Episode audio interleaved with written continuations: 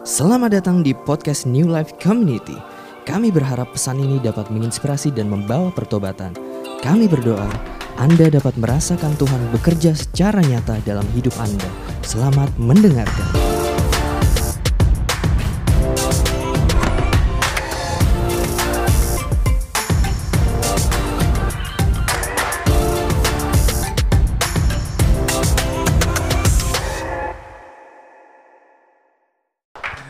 Thank you Pastor Merrick Jonathan. Silakan dulu teman-teman. Good morning everyone.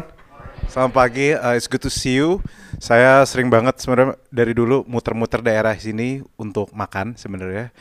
Babi banyak di sini kan ya. Terus ada ramen juga suruh kamedo yang enak di situ. Jadi bagi saya ini daerah-daerah makanan semua. Saya nggak nyangka ternyata selain makanan jasmani ada makanan rohani juga di sini ternyata. Ah, so uh, ya yeah, thank you atas perkenalannya. Um, I'm so glad dan apalagi judulnya hari ini bulan ini cukup menarik yaitu Thought Revolution, revolusi pikiran karena pikiran adalah sesuatu yang penting.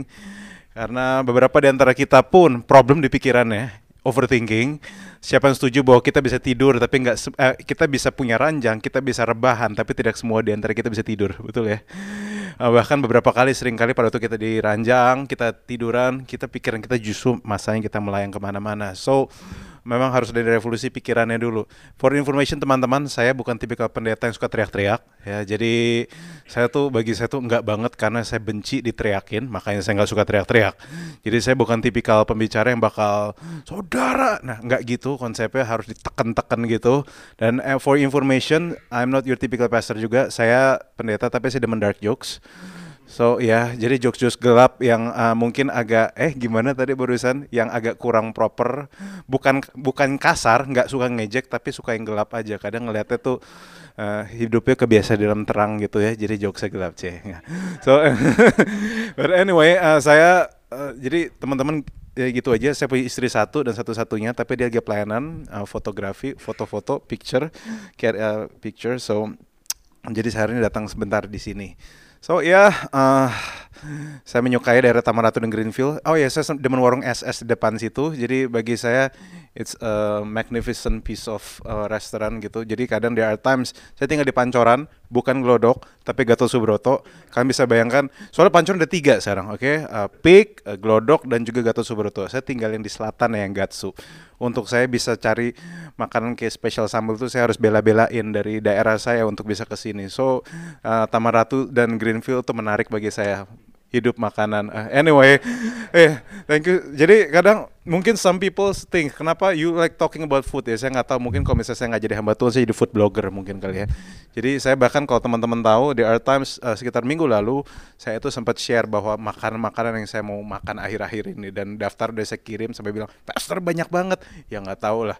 Saya tukang makan. Soalnya biasanya uh, saya udah sering kasih makan rohani ya sudah lah kadang-kadang harus ada yang traktir saya makan jasmani. Anyway, but uh, itulah saya sedikit tentang saya. Uh, I love leather jacket. Saya nggak suka pakai jas karena jas bagi saya agak kafir nggak nggak sih bercanda.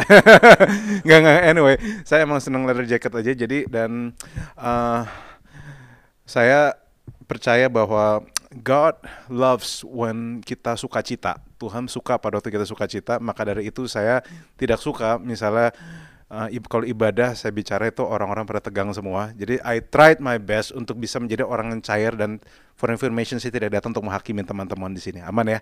I know all of you have a background. Saya nggak tahu mungkin beberapa antara kalian mungkin baru pertama kali datang atau datang ke sini habis berantem sama istrinya atau berantem sama suaminya atau di sini ada yang single sini.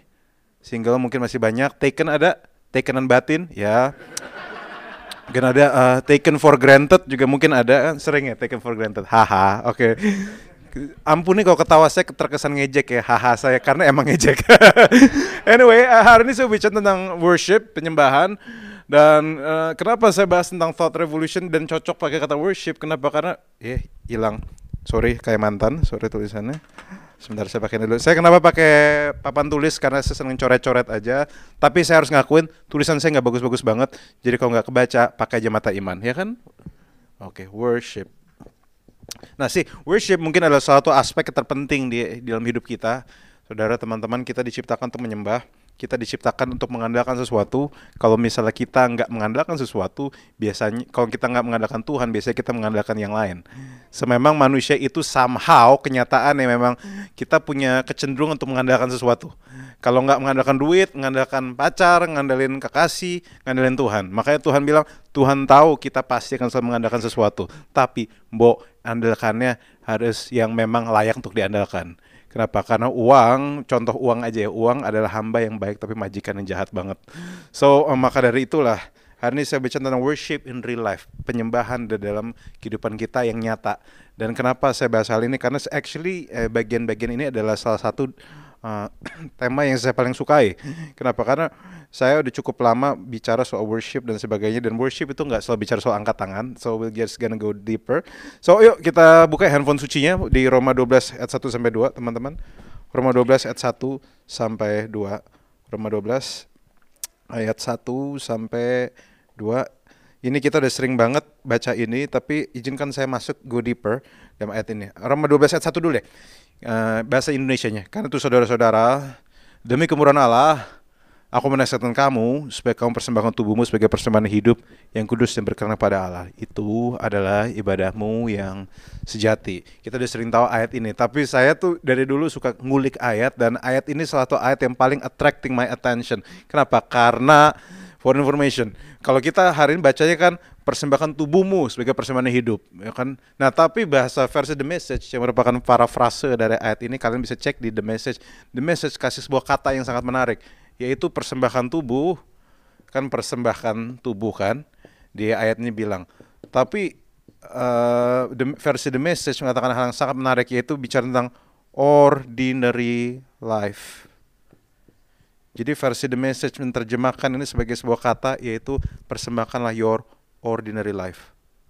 Ini yang bikin saya deg-degan pada waktu pertama kali saya baca. Kenapa? Karena saya berpikir pada waktu saya persembahkan sesuatu sama Tuhan, saya harus persembahkan terbaik. Kita berpikir harus persembahkan terbaik. Dan memang nggak salah juga. Dan kita berpikir harus jadi bintang dan sebagainya untuk bisa untuk memuliakan Tuhan. Tapi kata ordinary life ini benar-benar mengguncang saya pada waktu itu. Dan teman-teman tahu Paulus nggak sekedar asal ngomong bahkan dia terjemahkan lebih dalam lagi justru ordinary life itu maksudnya apa eh, sleeping eating going to work walking. Teman-teman bisa cek terjemahannya dan sampai kaget. Kenapa? Karena memang rata-rata tiap hari kita melakukannya. Sleeping, eating, going to work, walking, kita semua tiap hari melakukannya. Dan bagi saya, ini sesuatu yang kayak, ah ini serius. Bahwa ternyata yang kita gini, saya belajar bahwa sering kali kita mau pengen persembahan terbaik bagi Tuhan, which is nggak salah, itu benar ya. Tapi ternyata saya baru belajar bahwa tampaknya Tuhan bukan cuma mau yang terbaik. Karena kalau misalnya dia cuma kamu cuma kasih dia yang terbaik, maka yang dia dapat hanya yang terbaik. Does it make sense for you? Cuma yang terbaik. Padahal Tuhan nggak cuma mau yang terbaik. Tuhan mau semuanya. Dan ini yang jadi problem sering kali kita berpikir kita harus jadi rockstar dulu, kita harus jadi bintang, kita harus jadi Agnes Mo untuk bisa kita seakan-akan bisa mempersembahkan terbaik bagi Tuhan. Tapi tampak ya kita sering salah ekspektasi dan ini sering kali bikin minder orang bahwa, hey saya bukan bintang, saya ini cuma kalau di kantor saya cuma budak korporat, gaji pun masih semi UMR gitu maksudnya, nggak tinggi-tinggi banget. How can I give something untuk Tuhan? Dan tampaknya bagi Tuhan, you're sleeping, eating, going, walking juga sesuatu persembahan yang baik bagi Tuhan. Kenapa? Simple aja karena tampak ya Tuhan nggak sekedar pengen terbaik dari kamu, tapi Tuhan mau semuanya. Kenapa? Karena Tuhan dan kita bukanlah religion, tapi relationship. Relationship sejatinya tidak cuma belajar untuk terima yang baik, belajar selebrasi yang baik, tapi juga belajar toleransi yang kurang baik, dan juga belajar untuk menghargai dan berusaha menerima walaupun masih dalam keadaan yang buruk. Saudara tahu nggak bahwa setiap orang, setiap manusia itu ada namanya green flag, ya, yang hal-hal yang bisa diselebrate, ya, oke. Okay?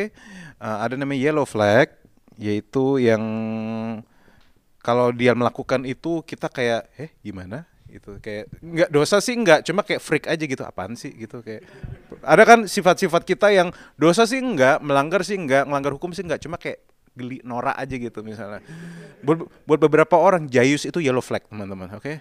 Nggak lucu itu yellow flag. Buat beberapa orang sometimes bisa kayak main game 10 jam itu it could be yellow flag. Nah ada juga yang terakhir yang paling sering itu namanya red flag yang sering kita dengar. Nah red flag adalah apa yang Alkitab dulu bilang sebagai dosa, yaitu sesuatu yang sebenarnya bendera merah gitu maksudnya. Dan rata-rata kita semua punya potensi di tiga hal ini. Dan yang menarik ini indahnya, Yesus terlalu mencintaimu untuk cuma nerima green flagmu. Seakan-akan kita cuma persembahkan green flag kita doang, padahal Yesus nggak mau green flagnya doang. Yesus mau yellow flagmu, dan Yesus juga mau red flagmu. Roma 5:8 mengatakan pada waktu kita masih berdosa, Yesus telah mati bagi kita it's a proof dan dia pun belajar menerima red flag kita tapi tidak membiarkan kita punya red flag terus this is what I love about God dia mengasihimu apa adanya tapi terlalu mengasihimu untuk menerimamu apa adanya kenapa karena apa adanya kita kadang jelek juga sebenarnya jadi panggilan kita bukan cuma jadi be yourself tapi be the best version of yourself dan itu panggilan kita. Nah, yang menarik adalah Tuhan. Dan makanya kita balik lagi tentang ordinary life ini. Jadi saudara-saudara dan teman-teman, jangan-jangan sebenarnya apa pun kamu lakukan bisa jadi sebuah penyembahan yang harum di hadapan Tuhan. Maka dari hal itu kita mau berangkat dari sini. Nah, ah, kita bilang ada ibadahmu yang sejati. Have you ever heard kata ibadah itu di bahasa Ibrani apa? Saya sering terjemah dan kata-kata ini juga muncul pertama kali di kitab Kejadian saya suka bahan kata ini. Kenapa? Karena kata ibadah actually sebenarnya ada serapan dari bahasa Arab, teman-teman. Jadi kan kalian tahu bahasa Arab punya bahasa saudara namanya bahasa Ibrani. Bahasa Hebrew kalau katanya.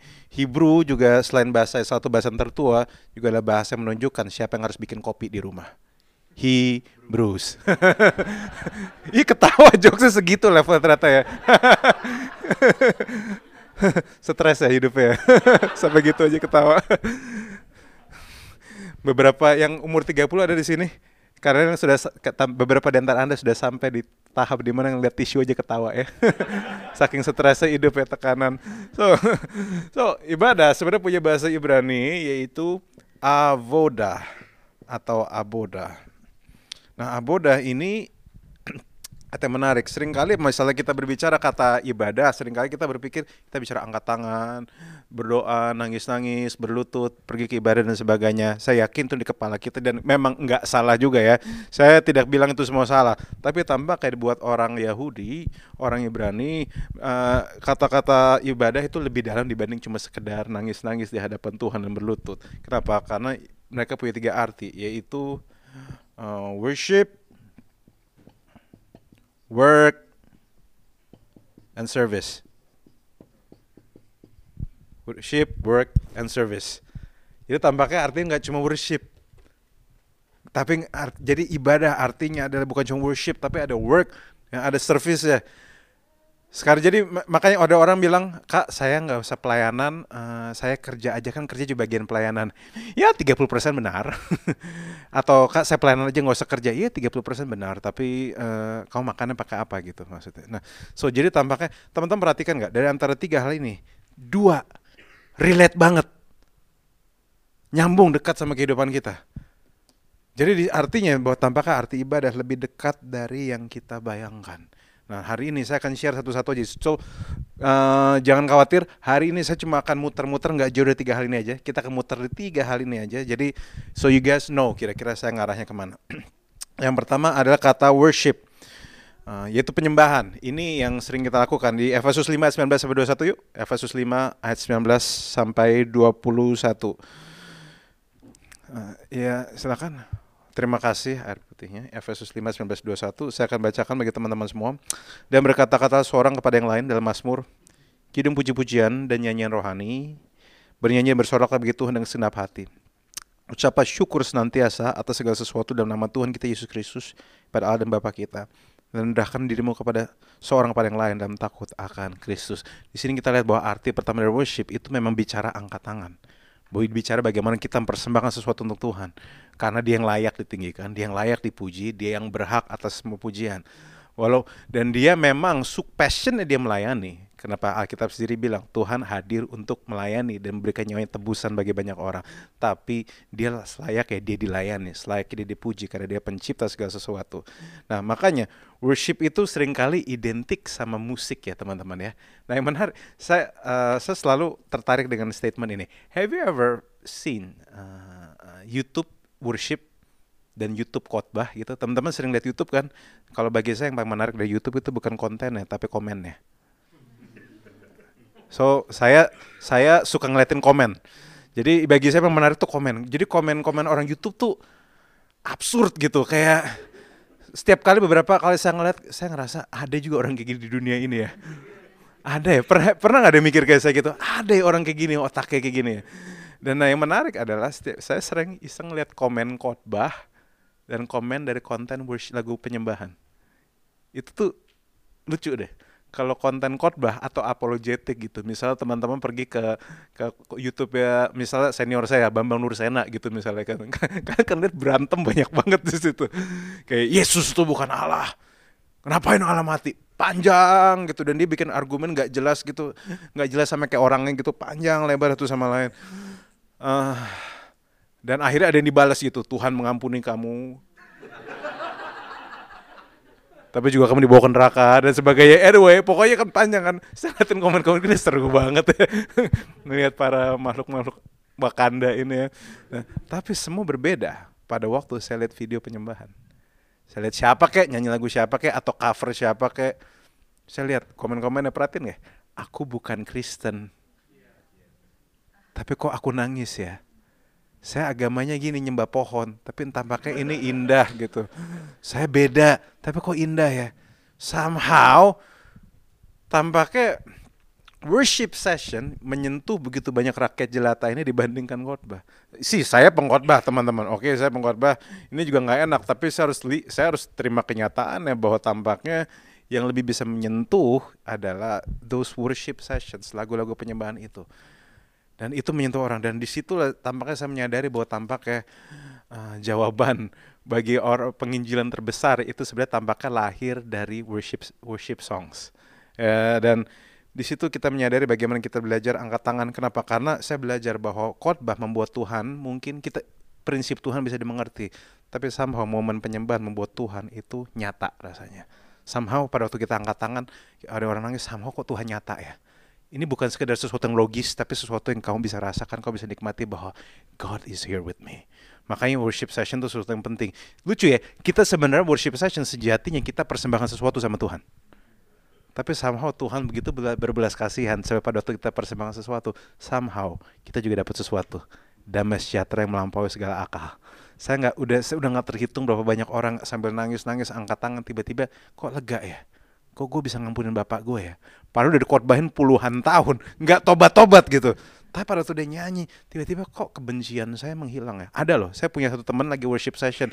Dia benci banget bapaknya karena bapaknya bikin miskin keluarganya. Tiba-tiba di worship session tiba-tiba dia nangis tiba-tiba kok kebencian gue hilang sama bapak gue itu ajaib bin absurd bin luar biasa. Jadi sekuat itu. Makanya jadi makanya saya berkali-kali bilang uh, bagi teman-teman yang bergereja di sini, di mana pun kamu berada, please don't skip the worship session. Kenapa? Karena banyak orang pengen praktis saja. Ah worship sessionnya capek, saya mau langsung khotbah aja. Pada worship session itu sesuatu yang penting di momen-momen ini.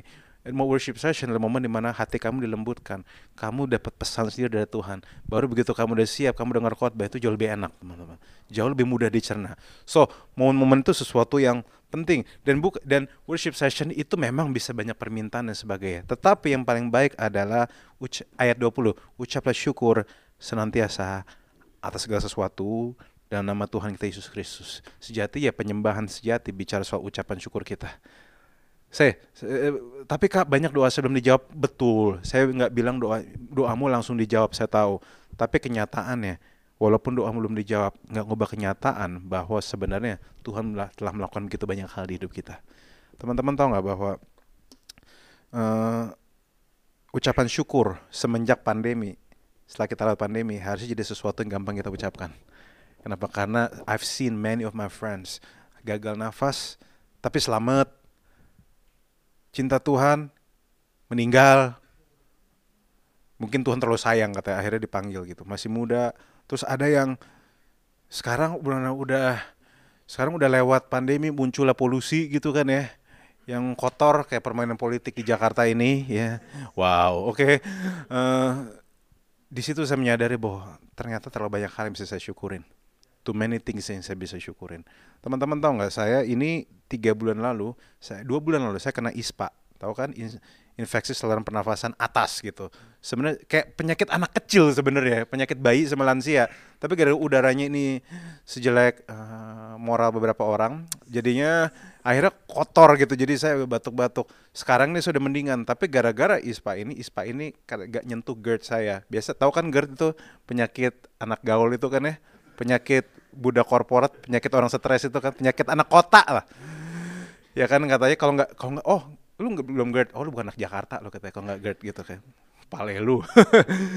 Nah jadi tahu nggak sambil saya batuk-batuk kadang-kadang walaupun saya tahu batuk saya nggak keluar virus keluar urapan Tuhan saya tahu sih emang. Cuma poin saya lagi nih there are times saya benar-benar kangen sama bisa nafas yang benar sekarang saya lagi medication ini udah jauh jauh lebih baik. Pada masa itu saya batuknya tuh bisa kayak ngebor gitu maksudnya kayak. So jadi nggak enak banget. Tapi di sini saya bisa mengucap syukur for many things berucap syukur kalau kita bisa hadir di sini dan kita harus ngerti Alkitab bilang mengucap syukur atas segala sesuatu kan. Mengucap syukur atas segala sesuatu tidak sama dengan toxic positivity. Itu harus dicatat dulu. Mengucap syukur atas segala sesuatu tidak sama dengan toxic positivity.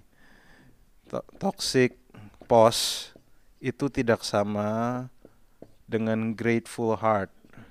Kenapa? Karena banyak orang suka salah hati mengucap syukur atas segala sesuatu bukan berarti keadaan semua baik-baik saja.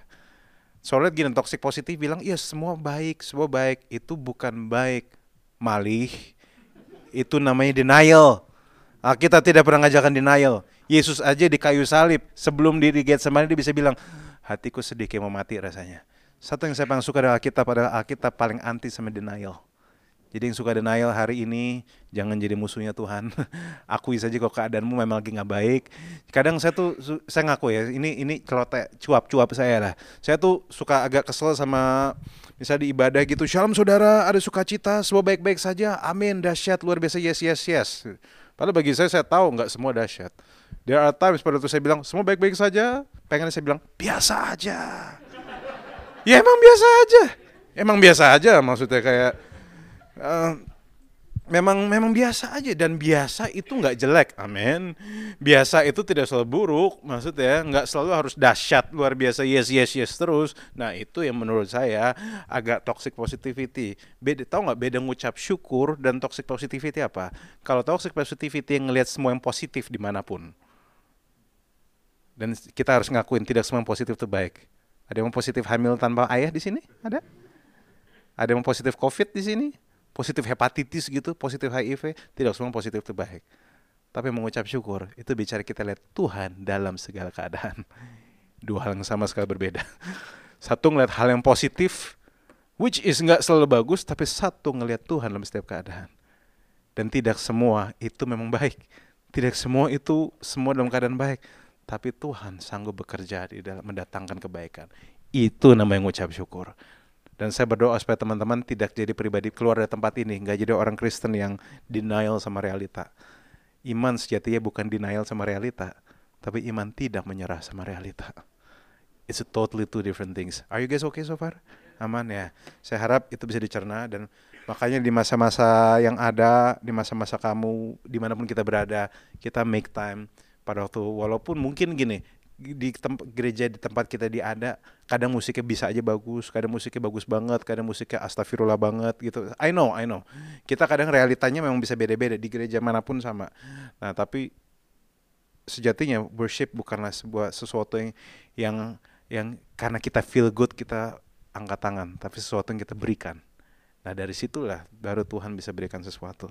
Nah sekarang saya mau share yang kedua yaitu work nah ini nih Efesus 2:10 bilang kita diciptakan Tuhan untuk sebuah pekerjaan yang baik. Kejadian 2:15 bilang Tuhan menempatkan manusia di Taman Eden untuk mengusahakan dan memelihara taman itu. Artinya memang kita tidak diciptakan untuk nganggur. Saya berkali-kali nanya, enakan mana stres karena nggak ada kerjaan atau stres karena banyak kerjaan? Rata-rata teman saya yang normal bilang stres karena banyak kerjaan. Kecuali yang Z, teman-teman Z itu agak ajaib sih. Enakan stres karena nggak ada kerjaan dong. Maksudnya kayak wow, sangat membanggakan ya. Terus pas dicek bapaknya, oh ya ya ya bapaknya tajir sih ya udahlah. Sakarep mula. Ya iyalah. Maksudnya tapi sejatinya kalau orang normal ya, yang para manusia-manusia yang normal yang pengen yang yang hidupnya proper ya rata-rata nggak pengen nganggur. Kita tahu bahwa nganggur itu sesuatu yang nggak enak di hidup kita. Orang tuh panik loh, kalau setengah tahun nggak ada kerjaan tuh panik banget. Dan nggak usah jauh-jauh deh, Lionel Messi, Cristiano Ronaldo, Kylian Mbappe, itu semua kan gaji gede-gede banget kan. Teman-teman saya pernah ngitung gaji Messi sedetik itu bisa 2 juta rupiah. Bayangkan berapa cilok yang kita bisa beli dengan uang sebanyak itu.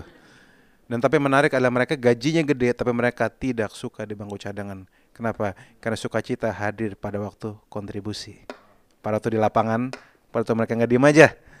Dan bayangin gak sih? Dan mobil pun baru bisa berdampak dengan baik. Mobil mesinnya baru bagus kalau sering dipakai. Pernah coba nggak mobil saking bagusnya nggak pernah dipakai gitu? Rusak mobil ente. Makanya tiap pagi mobil yang nggak jarang dipakai harus di starter dulu pagi-pagi. Untuk apa? Panasin mesinnya. Semua barang dicip, tidak diciptakan untuk nganggur. Makanya kita tidak pernah diciptakan untuk diem-diem aja. Kita diciptakan untuk lakukan sesuatu. Dan makanya yang paling indah adalah saat ternyata kerjaan kita ternyata bisa dipakai untuk jadi alat kemuliaan Tuhan. Bisa menjadi aspek penyembahan juga bahwa memang saya nggak bilang bosmu itu baik ya. Saya nggak bilang bosmu itu baik, saya nggak bilang hidup itu nggak mudah. Kita semua terjebak dalam office politik, amin. Bagi yang kerja, kalau bagi yang dagang, kita terjebak di koin dagang di tanah abang, kita terjebak di tanah abang politik, gitu maksudnya. Nggak ada yang mudah, oke kerja nggak ada yang mudah. Bahkan saya tahu banyak orang tuh kabur bukan karena kerjaannya, kabur karena teman-teman di kerjaannya. Rekan kerja kadang bisa astagfirullah toksik ya kan. Yeah, really, I really, I really relate with that. Soalnya pelayanan juga kadang-kadang haha. Anyway. Ya ya. Kenapa? Kenapa manusia toksik ya karena rata-rata kita punya toxic behavior simply karena Roma 323 manusia telah jatuh dalam dosa dan kehilangan kemuliaan Allah. All of us punya potensi kelakuan yang agak-agak beracun. So jadi teman-teman harus tahu bahwa kita diciptakan untuk melakukan sesuatu. Bahkan kalau teman-teman tahu uh, kalau kita lihat negara barat kenapa sekarang maju? Karena mereka mengenal apa yang namanya ini udah nggak kelihatan. Saya hapus dikit ya. Sebentar saya hapus dikit. Uh, karena mereka tahu apa yang namanya Protestan work ethic. Mungkin ada yang tahu ada yang pernah dengar. Etika kerja Protestan. Ini yang bikin negara barat mendadak maju dalam 400-500 tahun terakhir. Kenapa? Karena ada satu namanya etika kerja protestan. Yaitu sebuah etika kerja yang menekankan bahwa satu, rajin, disiplin, dan hemat yang suka silin mana suaranya? Yang hemat adalah bagian dari iman jadi zaman dulu iman bukan pakai kalung salib segede taman anggrek tau gak sih teman-teman atau kalung salib segede neo atau tato Yohanes 3:16 segede neo soho di kaki gitu maksudnya nah, nah, nah, nah.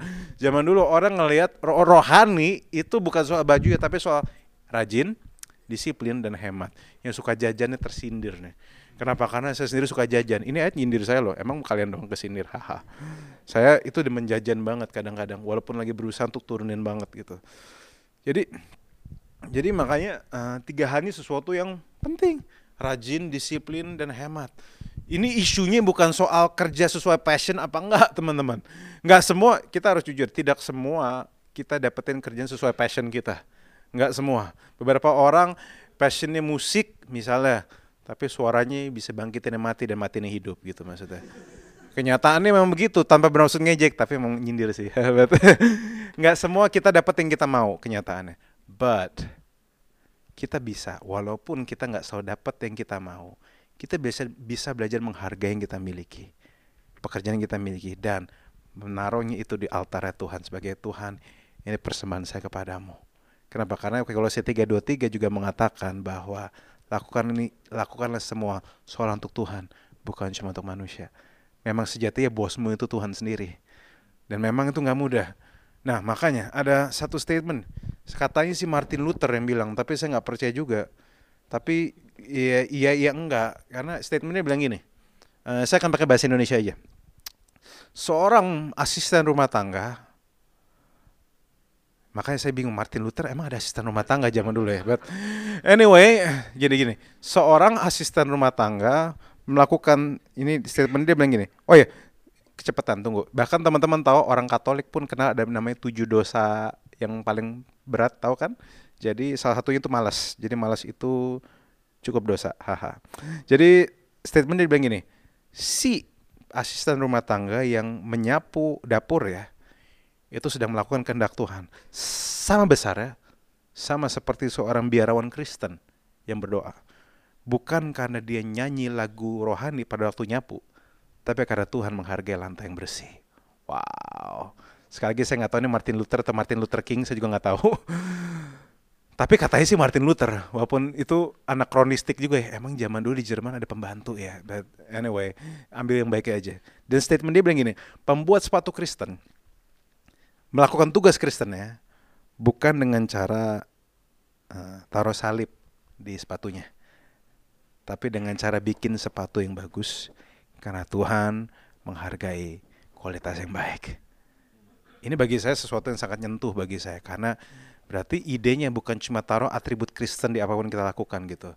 Isunya bukan cuma taruh salib di Microsoft Excel mau gitu kan. Ye, ini milik Yesus semua. Tidak boleh itu di korupsi gitu atau dengan cara taruh di kop surat perusahaanmu taruh Yesus berkuasa nggak nggak gitu maksudnya tapi idenya adalah menghadirkan quality dan sepenuh hatimu di dalam pekerjaanmu tentu ini nggak mudah ya Kenapa? Karena makin kamu sepenuh hati kerja keras, kadang sering kali makin dikerjain bosmu. Oke, okay? ya beberapa iya, iya. Makin dikerjain bosmu kan, gaji nggak naik, jabatan nggak naik, kerjaan tambah banyak aja gitu. But anyway, ya kita harus ngerti gimana pun kita lakukan semua ini untuk Tuhan. Nah makanya ini yang saya percaya. Seorang ojol memuliakan Tuhan bukan dengan cara cipratin minyak urapan di setiap penumpang gitu. Dalam nama Yesus gitu kan. No, no, no. Tapi dimuliakan Tuhan dengan cara bawa penumpangnya sampai di rumah dengan selamat. Nggak cuma diem aja, nggak cuma sekedar nyipratin. Dan seorang bisnismen memuliakan Tuhan bukan cuma dengan taruh taruh salib di kantor ya atau tulis PT yang Kristen banget damai sejahtera PT damai sejahtera Kristiani gitu misalnya nggak nggak bukan gitu tapi dengan cara dia perlakukan partner-partner ya dan uh, karyawannya dengan baik sekali saya bikin persekutuan doa jangan korupsi itu seorang ibu rumah tangga memuliakan Tuhan bukan cuma dengan cara cerita Alkitab anaknya termasuk itu tapi juga dengan kasih susu didik yang baik jangan dimanjain. Itu memuliakan Tuhan. Si teman-teman, saya cuma mau kasih tahu kadang hidup ini seperti sekumpulan tempe, tidak ada yang tahu ya. Kesannya lucu, tapi emang iya emang begitu, kayak nggak ada yang tahu. Sometimes perubahan karir bisa terjadi di hidup kita. Sometimes kita bisa pindah karir dan emang itu saya nggak bilang itu mudah, oke? Okay? Saya di sini nggak pengen menggampangkan segala sesuatu. I'm not that kind of pastor. Tapi saya belajar bahwa kadang Ingat teman-teman dulu Daud hanya musisi dan gembala, dia jadi raja. Ganti karir emang gak mudah. Tetapi saya percaya bahwa walaupun karirmu berubah, callingmu tidak akan pernah berubah. So saya berdoa supaya ini jadi sesuatu yang menguatkan bagi teman-teman. Dan teman-teman tahu nggak pada waktu kita bekerja dengan baik, kita kita lakukan semua yang terbaik. Kita sedang inspirasikan orang untuk mengucap syukur lebih mudah. Contoh, saya punya teman jago banget bikin babi panggang jago banget saya nggak tahu dia digorengnya pakai plastik apa-apa gitu bisa garing dan chili oil itu seenak itu chili oilnya dan yang menarik adalah setiap kali saya makan itu karena saya ngeliat dan yang saya paling suka teman saya setelah dia kirim chili oilnya dia selalu nggak sekedar langsung kirim makanannya dia juga kirim kalau mau dapat hasil terbaik kamu gini ini ya masaknya di sini kalau air fryer segini segini lamanya masaknya dibolak-balik jadi dia kasih tahu untuk bisa menjaga kualitasnya kualitas babinya. Dan saya suka banget kenapa? Karena itu bukti kemudian menghargai apa yang dia kerjakan. Dan setiap kali saya makan, saya cuma bisa bilang, puji Tuhan. Because his work is so good, to the point itu menginspirasi saya untuk memuji Tuhan. Saking enak ya. So, the quality of your work can inspire worship to God. Kesannya lucu ya, but it's possible. Kayak puji Tuhan enak banget ini. Itu babi itu saya nggak tahu itu garingnya kayak bercandaan film opera Van Java zaman dulu kan garing banget gitu kan. Bagi saya lapor pak nggak garing lucu memang lapor pak itu menurut saya kalau ada yang nonton gitu ya. Oh nontonnya Netflix semua ya. Lain kalian ya. Kurang rakyat. Oke okay, itu udah dua. Are you guys blessed so far? Ya oke. Okay. dan yang ketiga nih yang terakhir. Service.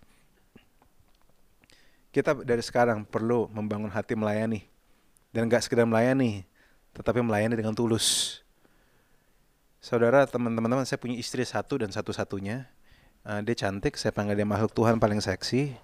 Uh, dagunya tajam kayak kotak persembahan. Jadi menurut saya serius serius kayak kotak persembahan zaman dulu tajam gitu kan kayak so I like her a lot. Saya anggap dia Disney princess. Tapi bukan Snow White. Snow White agak bodoh menurut saya. Itu bayangin gak sih dapat dari nenek-nenek yang dia nggak kenal dikasih apel dimakan kan? Come on, lu umur berapa maksudnya? Saya merasa dia tuh kayak Belle gitu, lebih pinter gitu, kayak tricky, saya nggak bilang saya bis ya, oke, okay? saya nggak bilang gitu. I didn't say that.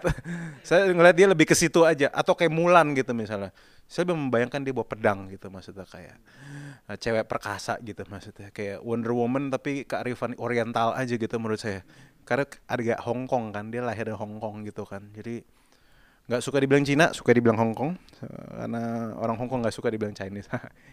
anyway itu aja sih. But poin saya gini, poin saya saya muter-muter gini bahwa my marriage bisa survive sejauh ini. Yang udah menikah pasti tahu pernikahan tuh nggak mudah ya.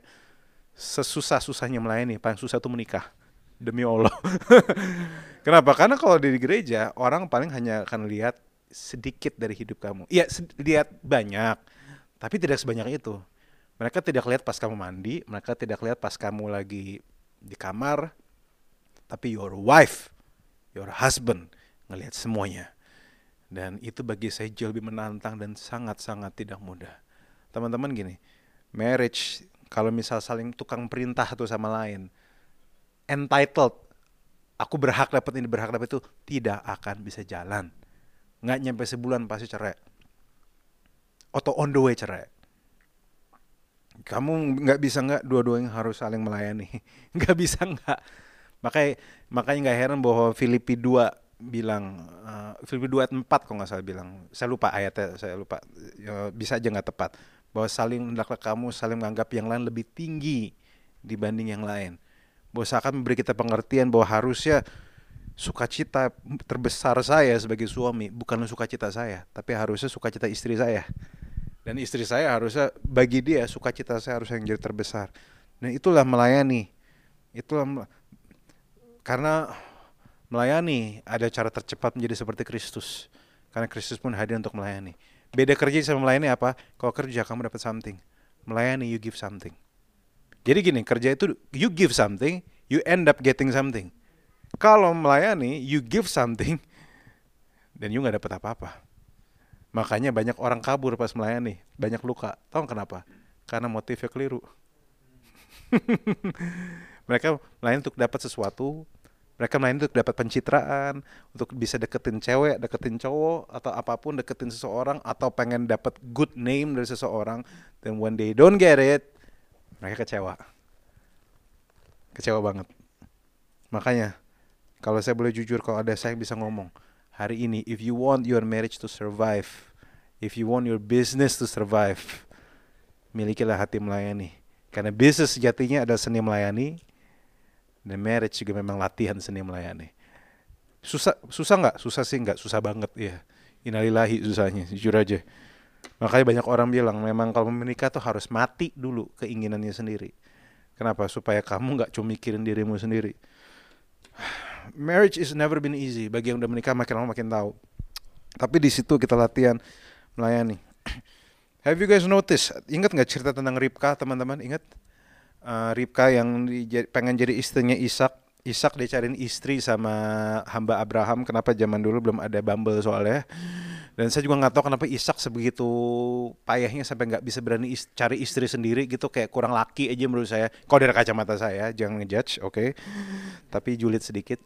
Nah, nah yang menarik adalah yang bikin Ribka itu dipilih Ishak. Itu menarik. Teman-teman tahu nggak bahwa hamba Abraham dari tempat yang jauh, gurun pasir semua, daerah Mesopotamia, ingat zaman dulu belum ada Avanza dan Raize, sehingga harus naik onta atau kuda saya bahkan nggak tahu kuda itu ada apa nggak. Tapi ontak itu fix gitu maksudnya. Dan ontak kadang lelet. Dan juga uh, Alkitab jelas bilang di unta sih. Dan teman-teman bisa bayangkan bahwa dia nyampe unta dan namanya itu kan zaman dulu nggak ada AC, pasti panas. Makanya nggak heran dia minta minum sama cewek random gitu kan. Di daerah daerah ya daerah situ di daerah Haran kalau nggak salah. Eh daerah daerah segitu loh pokoknya daerah yang Abraham dulu. Minta minum sama cewek random dan akhirnya menarik cewek random ini namanya Ribka dan Ribka itu menarik deh dia kasih minum orang random menarik banget dan nggak sekedar kasih minum ada kata segera dan berlari artinya dia melayani sepenuh hati perhatiin nggak teman-teman dan padahal sebenarnya So, coba kita balik konteks zaman dulu. Zaman dulu itu PAM dan PLN nggak ada. Jadi sumur is everything. Makanya orang bangun kota dekat sumur. Sumur itu memenuhi kebutuhan air dan sebagainya. Jadi dengan ngangkat sumur kan pakai buyung. Dan ingat nih perempuan, saya nggak bisa nggak lihat ada ciri-ciri bahwa Ripka itu berotot gitu ya. Jadi pasti dia ngangkat buyung air itu nggak mudah, oke teman-teman. Makanya ada legenda yang bilang bahwa cewek kuat bukan yang nggak pernah nangis, tapi bisa mengangkat galon aqua sendiri makanya. Because it's not easy, amen. Nah, makanya bayangkan bahwa Ribka harusnya bisa bawa air untuk dirinya sendiri. Tapi dia memilih untuk kasih ke orang yang dia nggak kenal. Kenapa? Simply melayani aja. Dan Ribka extra mile. Perhatiin nggak? Dia tidak cuma kasih minum ke orangnya. Tapi dia kasih ke unta-untanya juga. Padahal orangnya nggak minta loh. Dia kasih ke untanya juga. Dan kita bilang unta-untamu. Bukan camel, tapi camels. Artinya lebih dari satu Ekspektasi saya dua apa tiga. Dan tahu nggak unta minumnya banyak teman-teman. Makanya ada temanmu yang minumnya banyak dia bilang lu kayak onta loh. Karena onta nyimpen air banyak banget. Saya nggak tahu berapa buyung yang di, di diambil untuk bisa uh, onta itu bisa sampai puas minum. Karena kita bilang sampai puas minum. Artinya itu banyak yang diangkat dan akhirnya dan teman-teman di situlah hamba Abraham mulai memperhatikan bahwa kita bilang apakah dan hamba Abraham pun mengamat-ngamati apakah Tuhan buat rencananya sukses. Dan akhirnya teman-teman tahu setelah mereka si Ribka udah saya bayangkan udah keringetan, udah capean tiba-tiba dikeluarin gelang, dikeluarin emas, dikeluarin shika, dari berbagai shika dikasih ke Ribka dan akhirnya Ribka dilamar di situ. Ini sebuah cerita yang menarik tentang melayani yang harusnya ini kita lakukan. Pandangannya tertuju bukan pada kebutuhan mereka, tapi kebutuhan orang. Dan biasanya, biasanya ya, yang paling tulus, yang paling gak expect apa-apa pas melayani, justru dapat yang paling banyak. Yang paling tulus biasanya justru dia dapat get something. Padahal justru dia nggak expect apa-apa, justru gara-gara itu dia dapat sesuatu. Tentu kita melayani bukan nggak bukan untuk dapat sesuatu, tapi biasanya Tuhan juga ngeliatin gitu bahwa oh ya ini orang tulus ya. Akhirnya dia dapat suami, jadi yang pengen cepat-cepat punya suami ya ya melayanilah sebanyak mungkin. ya learn to serve dan juga yang dapat pengen dapat spouse cepat belajar melayani. Makanya arti worship sejati apa sih? Worship sejati ibadah sejati adalah angkat tangan sembah Tuhan, turun tangan bekerja, ringan tangan melayani. Jadi kalau misalnya ada thought revolution saya bisa bagi hari ini. Ibadahmu tuh apa? Ibadah adalah angkat tangan sembah Tuhan, turun tangan, bekerja, ringan tangan, melayani. It is your hand.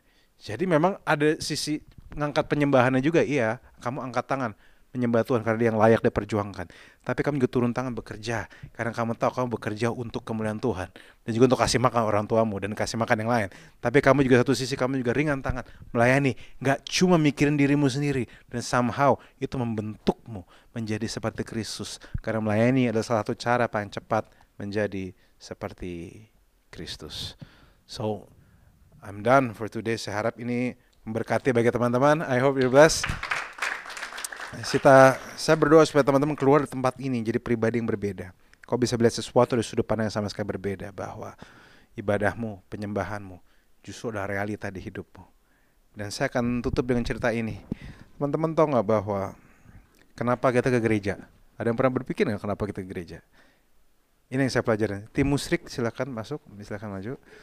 Musik. uh, ini yang saya pelajari. Kita ke gereja karena kita mau belajar jadi gereja. Gereja bukan gedungnya, tapi gereja orangnya. Makanya kita datang ke gereja agar kita latihan jadi gereja di luar sana. Panggilan kita terbesar bukan masuk gereja, tapi jadi gereja di luar. Itu panggilan kita. Makanya memang nggak mudah. Saya bilang nggak mudah. Kenapa? Karena makanya berasa nggak di gereja itu nggak mudah ya. Kenapa? Simple. Karena memang kita lagi latihan semua jadi gereja. We are training ourselves. Nggak ada yang mudah. Makanya saya nggak bakal heran kalau di sini nggak ada orang yang sempurna. Saya nggak bakal heran kalau di sini nggak ada orang-orang yang perfect. Nggak ada orang-orang bahkan kamu bisa bayangkan ada hamba-hamba Tuhan kelakuannya kayak naujubillah gitu maksudnya. Menyebalkan gitu. But ya gimana ya? Memang harusnya begitu sih maksudnya. I don't know. uh, si tahu nggak kenapa? Karena memang orang nggak sempurna aja dan kita di situ belajar untuk terima ketidaksempurnaan. Kasih Tuhan sempurna justru kelihatan pada waktu kita belajar mengasihi yang nggak sempurna. Paling kelihatan. Dan sejatinya satu mobil satu gini, suksesnya satu bengkel itu bukan dilihat pas mobil atau motornya di dalam bengkel. Perform dalam bengkel. Tapi suksesnya satu bengkel justru dilihat pada tuh mobil atau motornya perform di luar bengkel. Bisa cerai ya. Jadi kamu lihat satu bengkel bagus apa nggak? Bukan pas mobilmu di dalam. Bisa aja di kamu dikasih AC, dikasih PlayStation 5, dikasih game apa WiFi dan sebagainya. Tapi bukti terbesar dari bengkel itu berguna itu bukan pada waktu kamu dapat PS5 atau AC-nya sedingin kutub atau AC-nya sedingin mantanmu atau dan sebagainya, tapi pada waktu can your car perform well outside that? Makanya hari ini tentu saya bersyukur gereja ini punya fasilitas yang bagus ya dan mahal. dan saya bersyukur bahwa ini semua kita punya fasilitas yang baik dan sebagainya, which is good. You deserve that. Um, kamu enjoy, enjoy, bersyukurlah. Tapi ingat, nilaimu, kebaikan bengkel bernama Life Community ini bukan pada Tuhan Anda di dalam, tapi di luar. Di sini saat kita dikuatkan, disegarkan, kita contribute untuk saling uh, menguatkan, tapi di luar. So makanya kadang mungkin perlu ditulis ya, selamat beribadah dari Senin sampai Sabtu. Jadi ibadahmu bukan cuma minggu tapi Senin sampai Sabtu. Gerejamu itu Senin sampai Sabtu. Dan saya mau kasih tahu hidup itu nggak mudah. That's why saya nggak suka oversimplifikasi. Tahu istilah oversimplifikasi? Semua digampangkan. I don't like that karena saya tahu hidup itu sejatinya tidak semudah bacot motivator ya teman-teman ya. Some of you are in a situation to the point kita tuh nggak selalu bisa jadi pelaku firman. Nggak selalu kita bisa jujur nggak selalu kita bisa punya integritas. Ya tantangannya emang di situ. But remember something. In every season God is with you. Tuhan nggak pernah menyerah sama kamu. Tuhan tahu batas kamu. Tuhan tahu. Dan please never forget community. Community adalah support system yang justru akan membantu menjadi pelaku firman. Uh, itu for the next lah. Karena Alkitab kan dokumen ribuan tahun ya nggak mudah dicernanya. Untuk kamu bisa membantu mencernanya di kehidupanmu kamu butuh komunitas yang saling sharing untuk jadi pelaku firman seperti apa. So I hope you guys will stay in the community. Keep on loving. Tetaplah hidupi hidupmu yang kadang menyebalkan tapi juga merupakan kasih karunia. Enjoy your food enjoy your life. Bekerjalah untuk kemuliaan Tuhan walaupun kadang hidup ini nggak selalu adil. Memang hidup tuh nggak adil teman-teman. Yang adil Tuhan tapi hidup tuh enggak. So saya berdoa supaya daripada kita mikirin privilege orang terus I, I wish saya bisa punya punya itu dengan bangun kehidupanmu sendiri. Karena sambil kamu mimpikan hidup orang jangan-jangan banyak orang lain mimpikan kehidupanmu juga. I hope you guys are blessed. Let's let's pray. Tuhan hambamu selesai berbicara. Aku berdoa supaya jadi sesuatu yang jelas di hati dan pikiran anak-anakmu Aku berdoa supaya kami, dari tempat kami lahir hati dan penuh ucapan syukur. Mungkin hambamu cuma bisa bagian yang ini, tapi aku berdoa ini supaya nyantol di hati dan pikiran anak-anakmu. I really pray the best for them. I really pray biar damai sejahtera melampaui segala akal dan biarlah mereka tidak menyanyiakan hidup mereka. Terima kasih Bapak bahwa cintamu itu indah dan kuat. Thank you Lord di dalam nama Yesus. Amin. God bless you all. Tuhan berkati. Yes. Terima kasih sudah mendengarkan podcast ini. Kami berdoa Anda diberkati melalui pesan yang telah disampaikan. Mari sapa kami melalui Instagram @newlifec dan bagikan pesan ini supaya lebih banyak orang yang diberkati.